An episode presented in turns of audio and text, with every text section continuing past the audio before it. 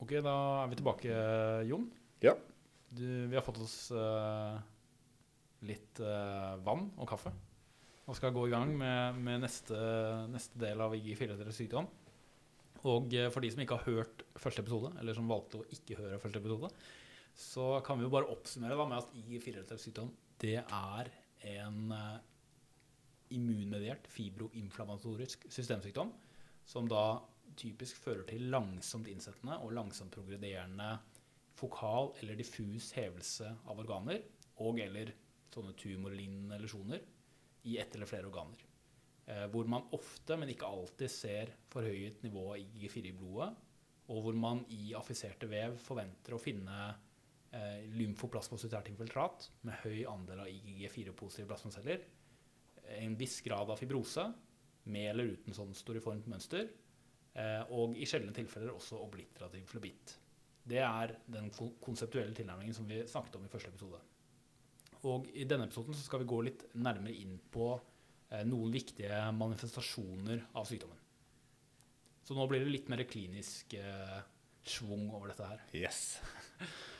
Hvis vi, hvis vi jeg, har, jeg har tatt fram eh, noen av manifestasjonene som jeg tenker er, er særlig viktige å kjenne til. Men hvis vi starter litt mer overordnet på det generelle planet, så kan vi si at dette er en sykdom som først og fremst rammer personer i 50-60 års alder. Men, eh, men det kan, kan ramme alle eh, aldersgrupper, inkludert barn.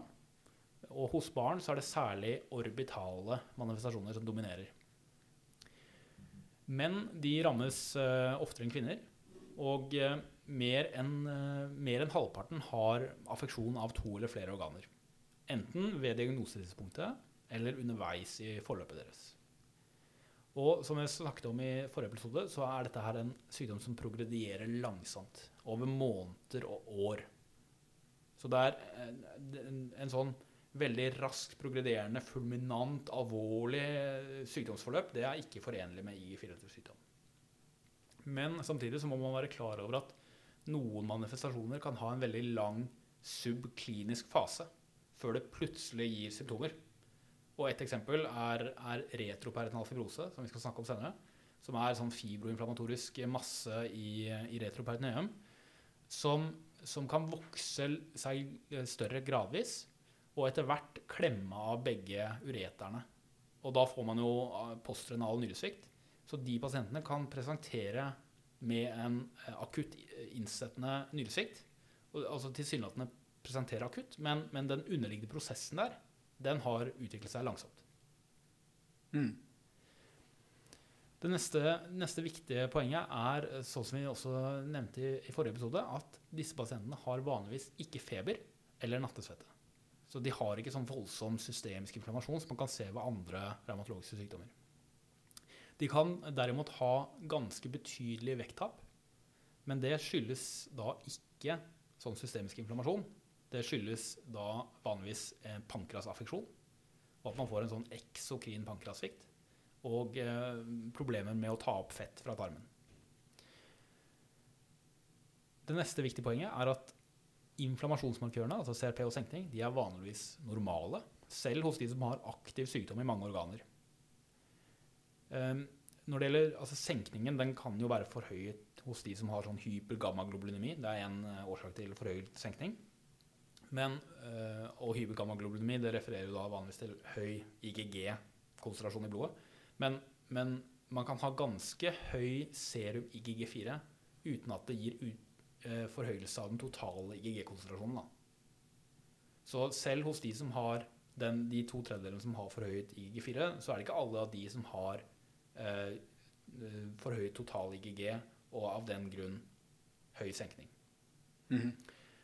Og så eh, Når det gjelder CRP, så, så kan den også være forhøyet eh, i noen tilfeller. Og det vil særlig være de pasientene som har aortitt eh, og eller retroperinal fibrose, som vi skal snakke om senere. Men selv hos den lille gruppen som, som har det, så eh, så er ikke CRP-forhøyelsen vanligvis veldig høy. Altså den, den er vanligvis moderat forhøyet, sånn type 50-60.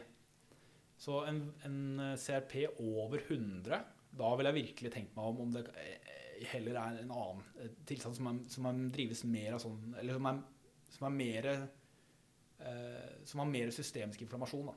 Eh, og det er, det er noen differensialdiagnoser som kan ligne veldig mye på IG4-relatert sykdom, som har mer systemisk inflammasjon, sånn som anka-assosierte vaskulitter, multisentrisk Castleman sykdom, som jeg vet du eh, er stor fan av, og, eh, og, og, og eh, sarkoidose og, og, og infeksjoner og malignitet, sånn som lymfom. Så 50-60-årene, menn mer oftere enn kvinner, ofte flerorganaffeksjon, langsom progresjon, ingen feber eller nattesvette, og som oftest normal CRP og senkning. Det er viktig å ha med seg. Mm. Så kan vi gå over til de ulike organmanifestasjonene, og da vil jeg starte med de orbitale Ja. manifestasjonene. Mm.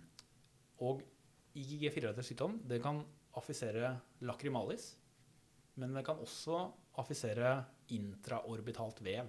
Mm. Og den intraorbitale affeksjonen det kalles gjerne pseudotumor orbita eller idiopatisk orbital inflammasjon.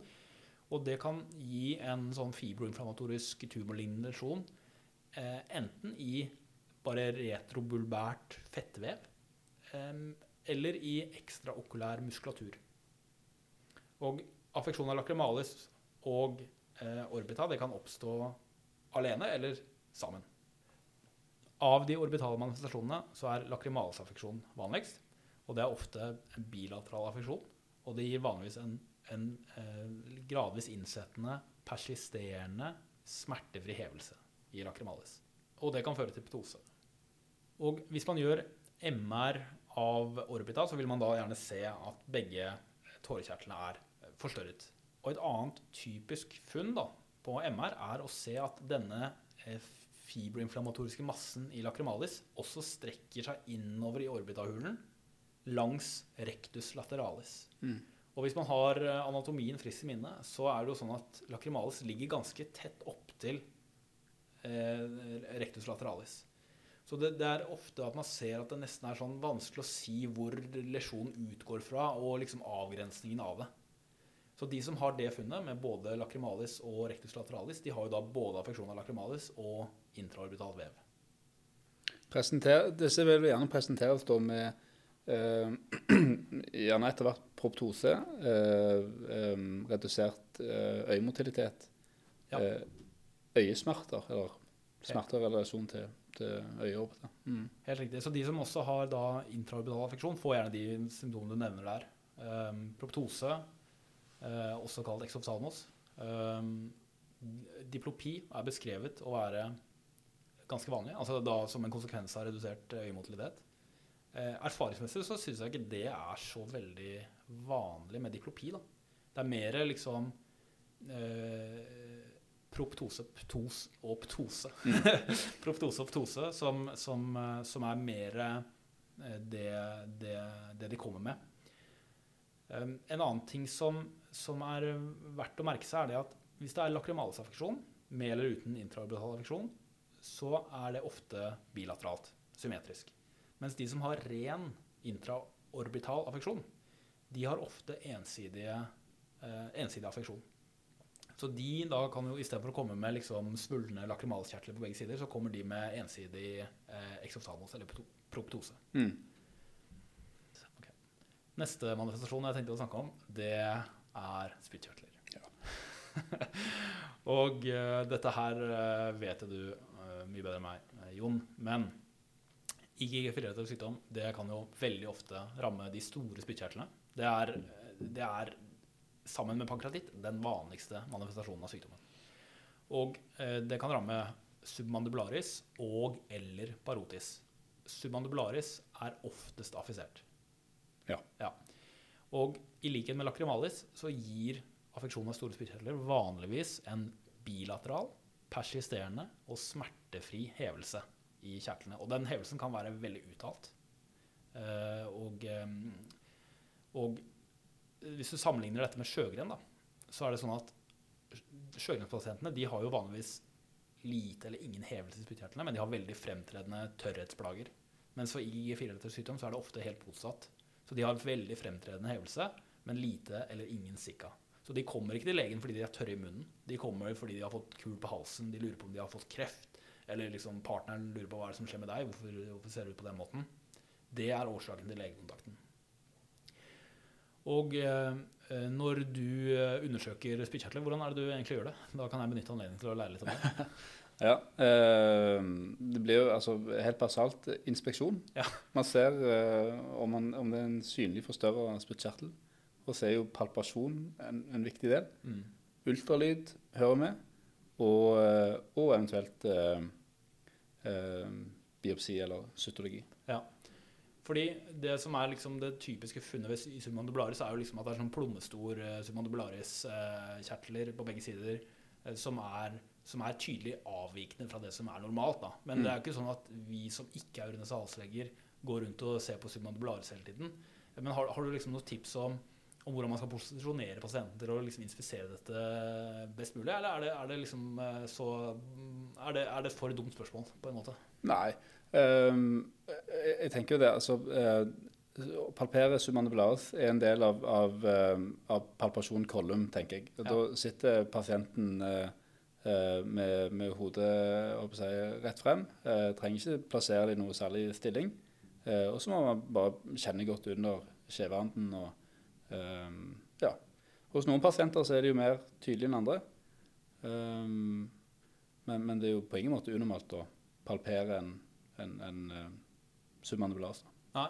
Du, er det, er det, Syns du alltid det er lett å skille submandibularis fra, fra lymfeknuter i samme område? Nei, ikke nødvendigvis. Nei. Og Bruker du da ultralyd, eller hvordan er det du, hvis du er i tvil om hva som er, er hovent? liksom? Er det en lymfeknute eller er det submanibularis? Altså, man, man, kan jo ha uh, man, man, Det spørs jo kanskje litt hva, hva, hva, pasienten kommer inn med. Hvis det er en, en, en, en hevelse submanipulært, uh, så er det kanskje mest nærliggende å tenke at det er uh, submandibulært, men, men det kan jo helt klart òg være en forstørra lymfeknute. Um, da er ultralyd eh, det beste å måte, undersøke med for å være sikker. Ja. Mm. Så oppsummert, da. For, for uh, spyttkjertlene affeksjon av submandibularis og eller parotis. Oftest submandibularis. Det gir en bilateral, persisterende, smertefri hevelse. Og hevelsen er mye mer fremtredende enn eventuelle Zika symptomer, altså tørrhetssymptomer. Da kan vi gå videre til, til pankras og galleveier. Fordi det er jo dette med autoimmun pankratitt. Det er jo da den, sammen med, med spyttkjertler, den vanligste manifestasjonen av, av, sykdommen.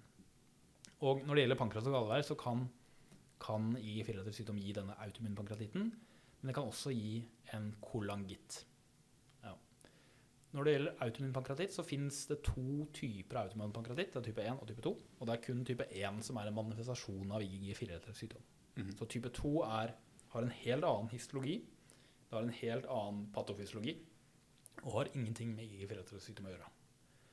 Um, det er bl.a. masse nøytrofile granulocytter i vevet, og det kan være granulomer. Og begge de to tingene er ting som man ikke ser ved IgG4-relatert sykdom, og som taler sterkt imot diagnosen autoimmun pankratitt gir seg vanligvis til uttrykk som stille ikterus.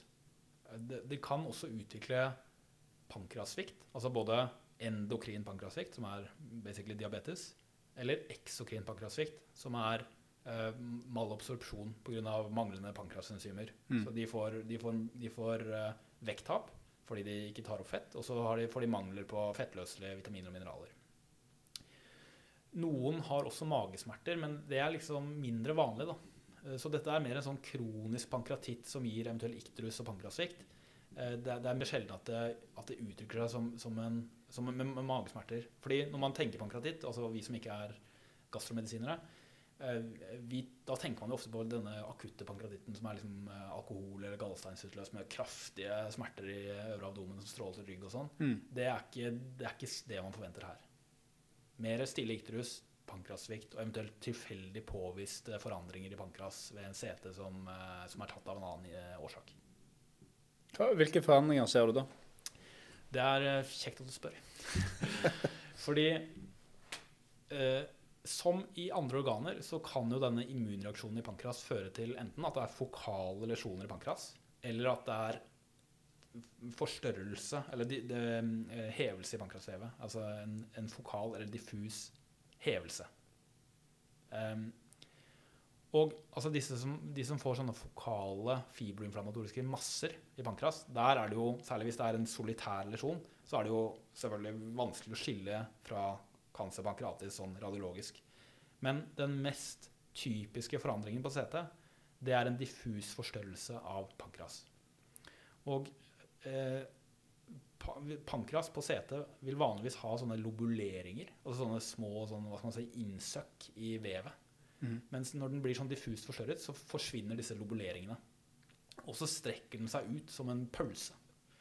Eh, og blir sånn glatt på overflaten. Da. Og det, det, funnet der kalles en pølseformet pankras. Eh, og det er, gir veldig sterk mistanke om autoimmun pankratitt fremfor annen pankrassykdom. Ja. Så det er det ene funnet du kan se ved, ved autoimmun pankratitt. Eh, du kan også se at halen til pankras, som vanligvis er sånn eh, hva skal man si, avsmalet, gradvis avsmaling, den kan bli rektangulær, altså firkantet på slutten. Mm. Og det kalles et cut tail sign, som at du liksom har kuttet halen med, med kniv. Da. Det kan man også se. Mm. Og det siste funnet i liksom pankrasparenkyma er at det kan være en, en, en halo rundt pankras. Så pølseformen pankras Eh, med eller uten rektangulær hale og eller sånn halo, er alle funn som taler for autumen pankratitt. I tillegg så er det sånn at denne fibroinflammatoriske prosessen i pankrasvevet kan føre til sekundære forandringer i pankrasgangen. Pankrasgangen går jo da fra liksom, gjennom hele pankras, basically.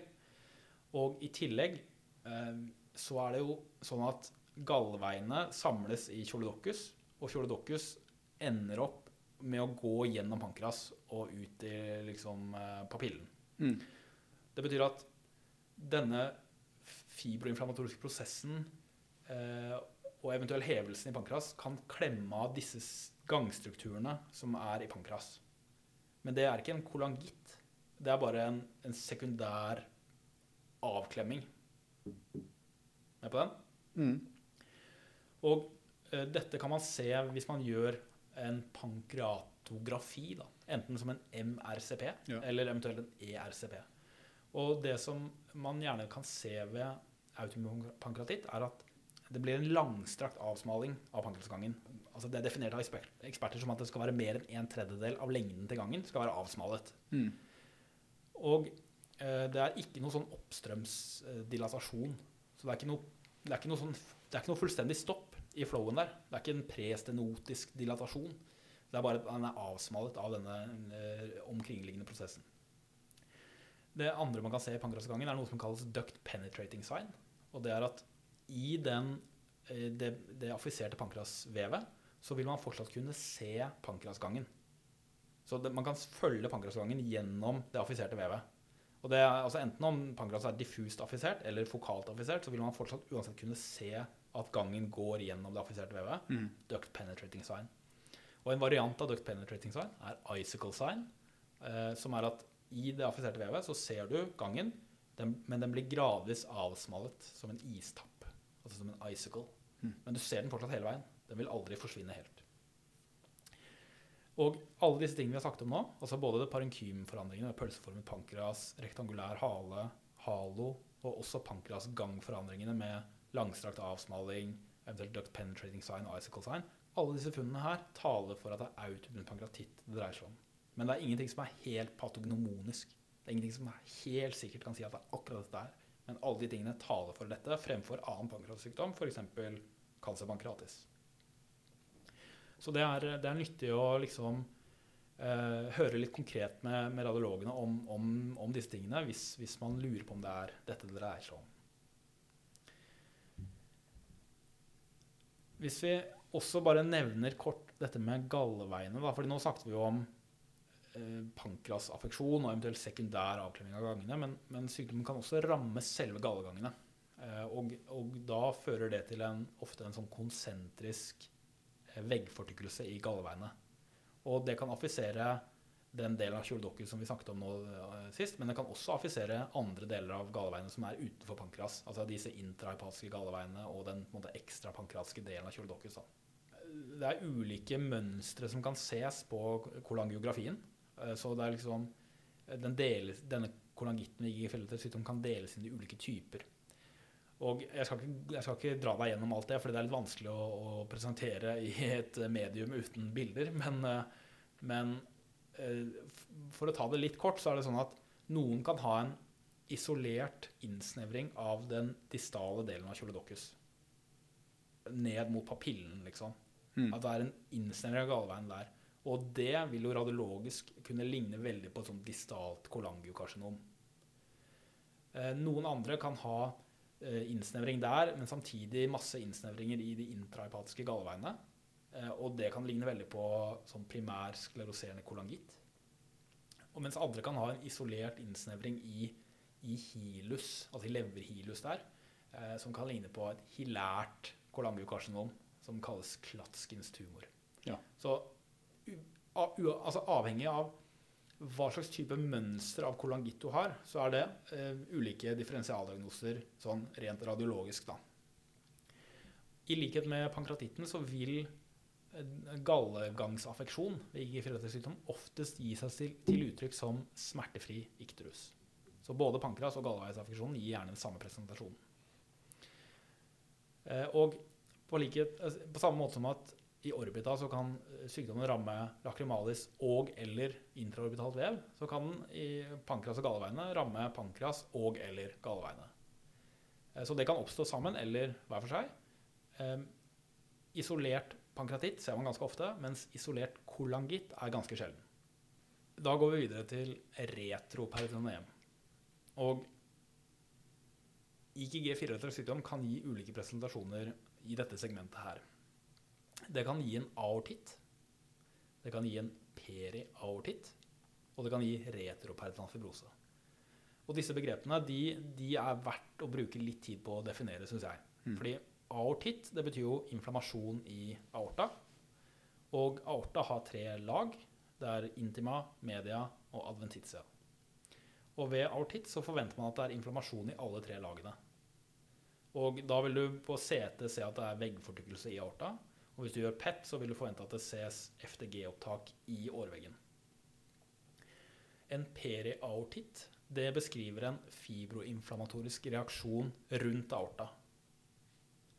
Og eh, den fibroinflammatoriske reaksjonen kan strekke seg ut fra aorta. Og den kan også gripe delvis inn i aorta, men da bare inn i det ytterste laget, altså i adventitia. Så ikke inn i intima og media. Så det er ikke en aortitt per se. Det er liksom noe rundt. da. Mm. Så da vil man jo ikke se veggfortykkelse i aorta. Man vil ikke se FTG-opptak i veggen av aorta ved en periaortitt. Og det tredje som vi nevnte, var jo retroperinal fibrose. Og dette er en fibroinflammatorisk reaksjon i retroperitoneum. Og den lesjonen kan i praksis være hvor som helst, men ved IGG4-relatert sykdom så forventer man at den ligger opp til aorta. Altså den mm. ligger rundt aorta. Og det betyr at ved IGG4-relatert sykdom så er retroperitonal fibrose i praksis synonymt med en abdominal periaortitt. Så de begrepene brukes litt om hverandre.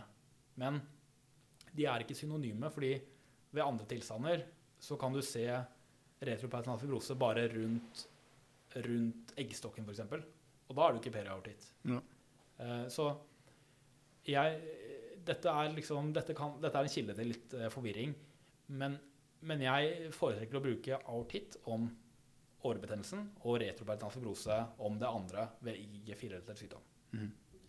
Og retroperitonal fibrose det er det jeg vil bruke litt tid på å snakke om, fordi det er en viktig og vanlig manifestasjon med denne sykdommen. Og igjen, det er altså en fibroinflammatorisk bløtvevsmasse i retroperitoneum og ved IGG4-relatert sykdom så har denne en, en, karakteristisk distribusjon. Så den ligger gjerne sånn eh, anterolateralt for eh, aorta. Mm. Og den strekker seg gjerne da fra infrarenale aorta ned mot iliakakarene. Så fra, fra, uh, avlø, fra, fra, avgangen til uh, nyrearteriene Den, den starter under der Mm. og, og, og går nedover til iliakakarene. Også hvis du ser, hvis du nå, ser, nå skal jeg prøve å male et bilde for deg. Hvis du ser for deg en CT-undersøkelse av abdomen Mm. i liksom tverrsnitt, så ser du da liksom eh, bakerst eh, ryggsøylen, og så foran deg ligger aorta. Og hvis du nå har et snitt under nyrearteriene, i infrarenal aorta, så ser du da denne eh, fibroinflammatoriske bløtvævsmassen ligge anterolateralt rundt aorta. Vil si at den ligger som en slags eh, C C eh, oppå aorta. Er du på det? Altså anteriort og lateralt for aorta. Ja, altså um, jeg vet ikke om jeg klarer å se det for meg. Nei. For jeg, jeg ser eh, eh, Lytteren ser sikkert mer på seteabdomen enn det jeg gjør. Nei, det, det er ikke nødvendigvis eh, sikkert. eh, Men, men hvis, hvis, vi, hvis vi ser for oss Jeg må prøve å, å forklare det bedre. Mm. I, altså, nederst på set- da har du jo du har ryggsøylen nederst, Ja. og så har du navlen øverst. Ja, ja. Og da, hvis du starter nedenfra, så er det jo liksom hud og subkutant fett osv. Og, så videre, og så kommer du opp til ryggsøylen, Mm. og så rett ovenfor der igjen ligger aorta. Ja. Og da ser du jo liksom aorta i tverrsnitt. da, Ja. En liten sirkel. Mm. Og vanligvis så er det ikke noe, eh, ikke noe hvitt rundt aorta. Det er liksom bare svart eh, vev da, på Mm. setet. Men her så er det da en hvit masse som ligger eh, som en slags halv donut. Ja. Og du har tatt en donut, kuttet den i to, og så legger du den halve donuten oppå aorta, sånn at den liksom, aorta får plass i det hullet i den halve donuten. Eh, og så ser du da den donuten ligge på toppen av aorta. Eh, det vil si at det er hvitt anteriort og lateralt for, for aorta. Mm. Eh, Det kan også være sirkumferensielt, altså at det også er litt på baksiden av aorta. Ja. Eh, Men det vil være overveiende antriort og lateralt. Mm. Og eh, du kan se for deg at dette her, denne manifestasjonen av sykdom, den er veldig fibrotisk. Den er liksom, det, er masse, det er ofte veldig mye fibrose her. Og den fibrosen den trekker på ting. Så den, den trekker ofte ureterne, som ligger da lateralt for eh, aorta, trekker dem innover mot denne fibroinflammatoriske massen. Hvorfor, er det, hvorfor er det mer fibrose i abdomen enn en eh, spyttkjertlene? Ja, det, det vet vi ikke helt, men eh, det er nok litt fordi dette her påvises sannsynligvis senere enn andre manifestasjoner. Ja. Eh, Det andre er også det at man, det virker å være sånn at i filetøs sykdom eh, det er noen pasienter som har en overveiende proliferativ sykdom, altså med masse lymfocytter og plasmaceller i vev. Og så er det noen som har en overveiende fibrotisk fenotype. Og da er det, virker det sånn at de som har affeksjon inni organer, altså der er det mer proliferativ sykdom. Mm. Mens de som har affeksjon av hulrom i kroppen, der er det mer fibrotisk. Ja. Og retroperitoneum er jo et hulrom. På samme måte så ser man ofte det med de som har ren intraorbital affeksjon, som også i praksis er et hulrom. Der er det også ofte overveiende fibrose som kommer seg til uttrykk som at det er gjerne vanskeligere å behandle enn de som har denne proliferative typen. Mm. Og andre eksempler på sånn eh, huleromssykdom, da, eh, det er i, eh, i mesenterium, eh, altså i krøser, liksom, eh, som kan ha en sånn skleroserende mesenteritt. Også i mediastinum, en fibroserende mediastinitt, eh, som alle er på en måte ikke lokaliserte organer. Der er det av en eller annen grunn gjerne mer fibrose. Og som jeg snakket om i forrige episode, så er det også sånn at disse proliferative manifestasjonene over tid utvikler gradvis også mer fibrose. Um, men hvis vi nå går tilbake til denne halve donuten som ligger på toppen av aorta, så er jo da den, den er fibrotisk. I, det, eller er- det er mye fibrose her. Den kan trekke disse ureterne inn mot lesjonen. Mm. Så det blir en medialisering, eller altså det, eh, medial forskyvning av ureterne inn mot massen, kan ses. Det man ikke forventer å se, er at det blir en eh, at, at denne massen dytter på ting. Fordi eh, man forventer ikke at den dytter aorta fremover. Man forventer ikke at den dytter ureterne lateralt. Fordi hvis den dytter på ting, så må man tenke mer på en sånn ekspansiv prosess. Mm. Altså mer malignitet. Da. Fordi det er ikke bare IG4-relatert sykdom som kan gi retroperitoneal fibrose. Det er også mange andre ting, bl.a. infeksjon, malignitet og reaksjoner etter bukkirurgi, visse medikamenter osv. Så, videre. så det er liksom øh, viktig å få med seg at den øh, retroperitoneal fibrosen ved IG4-relatert sykdom øh, er typisk antrolateralt fra infrarenal aorta ned mot ilakakarene, og at den kan føre til medial forskyvning av ureterne, men den dytter ikke på ting. Den dytter ikke ting fremover eller utover. Mm. Uh, altså Retroperitoneal fibrose det, det, det, kan være asymptomatisk, men det kan også gi smerter. Og da er det gjerne lave magesmerter eller lyskesmerter eller flankesmerter, som er sånn uh, lavintensitet, sånn uh, lite konkrete eller lite spesifikke smerter. Mm. og det, vi, det man frykter, er at den massen kan klemme av strukturer i retroperitoneum. Så den kan, den kan klemme av nyrearteriene, gi hypertensjon. Den kan klemme av eh, bekkenvener og gi periferodemer. Begge de to tingene er etter mitt syn og min erfaring forholdsvis sjelden. Men det man absolutt ser, og det man frykter veldig mye, er at det klemmes, klemmer av ureterne. Eh, som vi snakket om også sist, at, at, tidligere, at, at uh, man får en, en, rett og slett en avklemming av begge ureterne og en, en postrenal nyresvikt. Og de pasientene der de kommer gjerne med veldig saftig nyresvikt, altså sånn kreatinin over 500. gjerne. Ja. Men eh, sånne diffuse, lavgradige magesmerter er jo en forholdsvis vanlig problemstilling i, i, ja, for de som jobber med det, vil jeg tro. Mm. Um, er det sånn at, at CT-en vil på en måte uh, kunne, kunne, se den fibrosen, eller er det sånn at man i noen tilfeller eh, med den uh, klinikken bør ta en PET? Nei, den, den fanger opp på CT. Ja. Så hvis uh, Ja, nei, så det, det, er ikke noe ved, ved, en blank CT så vil jeg tenke at det ikke er indikasjon for å gå videre med noen annen diagnostikk for akkurat dette her, da. Nei. Mm. Uh, og jeg skulle gjerne vist deg bildet, men jeg, jeg skal, jeg skal ikke falle for den fristelsen. Fordi da lurer vi mediumet vi opererer med nå. Ja, men, ja. Eh, men det, det, hvis man har sett det en gang, så er det veldig Altså Jeg er ikke god på å tolke sett abdomen, men, men jeg klarer å se en retropedaal. Mm. Så det vil alle andre også klare. Um, det som også er verdt å nevne, da, er at disse pasientene som har IGG4-relatert sykdom med retropedaal fibrose, de har ofte dette som eneste sykdomsmanifestasjon. Oh, ja. Eh, Dvs. Si at de har sjeldne affeksjoner av andre organer.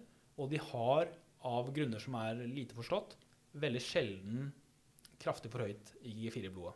Altså de har ofte normal IG4, og for de som har forhøyet IG4, så er det ofte bare lett forhøyet. Og som vi skal komme tilbake til senere også, så byr dette her på diagnostiske utfordringer. Fordi Eh, de har da normal serumygg 4 vanligvis, de har ingen andre organaffeksjoner. Og så er det ofte vanskelig å få biopsert de, da, fordi liksom, sykdomsprosessen ligger jo tross alt rundt aorta. Så du skal ha, du skal ha nervene under kontroll hvis du skal gjøre CTV-veiledet biopsi av noe rett rundt aorta. Men det er noen som, eh, som får til det. Hmm. Um, og uh, siden, siden, man ofte står i den utfordringen, da, og det, det, er noe, noe, vi skal komme tilbake til senere, så, så må man er det veldig viktig å se på distribusjonen til denne fibrosen. Fordi en typisk distribusjon, sånn som vi har beskrevet det nå, da er det høyst sannsynlig i fellesdelt sykdom. Men hvis det er noen av disse andre tingene, altså hvis det er ovenfor nyrearterende, hvis det er atypisk lokalisasjon av en eller annen grunn, hvis det er veldig klumpete masser, hvis det er dytting av strukturer, uh, så, så må man virkelig tenke på disse andre årsakene. Og i den eh, nasjonale, eller eh, i den fagnotatet eller prosedyren til I4 sykdom som finnes på norskgrammatologi.no, så er det listet opp eh, viktige elementer som man bør se etter, og som man bør forhøre seg om for å utelukke andre årsaker til, eh, til retroperitoneal fibrose. Den eh, neste manifestasjonen jeg vil snakke om, det er, det er nyreaffeksjon. Og den typiske nyremanifestasjonen det er en tubulointestisiell nefritt. Og dette kan gi litt lettgradig proteinuri. Det kan gi nyresvikt. Men man ser ikke noe hematuri, eller sånn glomerulær hematuri, for det er ikke affeksjon av glomeruli. Altså det er ikke en glomerulnefritt, det er en tubulointensiserende prosess. Så ingen sånne dysmorfe erytrocytter eller eh, erytrocytsylindere, som, eh, som ville heller pekt mot en glomerullende fritt. Da. Og hvis du gjør eh, Altså på CT så vil mange av disse pasientene som har tubulinterstellende fritt, ha, eh, ha lesjoner i nyrens cortex på CT. Og disse vil være hypodense lesjoner. Altså de vil være mørke og ligge sånn spredt rundt i cortex. Eh, gjerne flere sånne lesjoner. Eh, og eh, så, så det CT-funnet kan ses hos mange med tubulinterstellende fritt, men, er, men man kan også ha tubulinterstellende fritt uten å ha sånne lesjoner. Og man kan ha sånne lesjoner uten å ha tubulinterstellende fritt ved IG4-relatert sykdom. Mm. Men det er det typiske CT-funnet, da. Og det som også er litt uh, karakteristisk ved nyreaffeksjonen, er at de ofte har hypokomplementemi. Altså at det er eh, lave nivåer av komplementproteinene C3 og C4. Mm. Og uh, årsaken til det, det, det, det er litt uviss. fordi som vi sa i første episode, så, så aktiverer ikke IGG4-molekylene komplementsystemet. Så eh, det virker å være andre antistoffklasser kanskje da, som driver den komplementforbruket ved, ved tubulinterstellende ved IGG4-relatert sykdom. Nå har vi snakket oss litt gjennom viktige manifestasjoner. Og jeg tenker at vi setter strek da. Og eh, neste episode vil være litt om utredning og behandling. Er du motivert for det? Veldig motivert. Ja, det er jeg glad for å høre.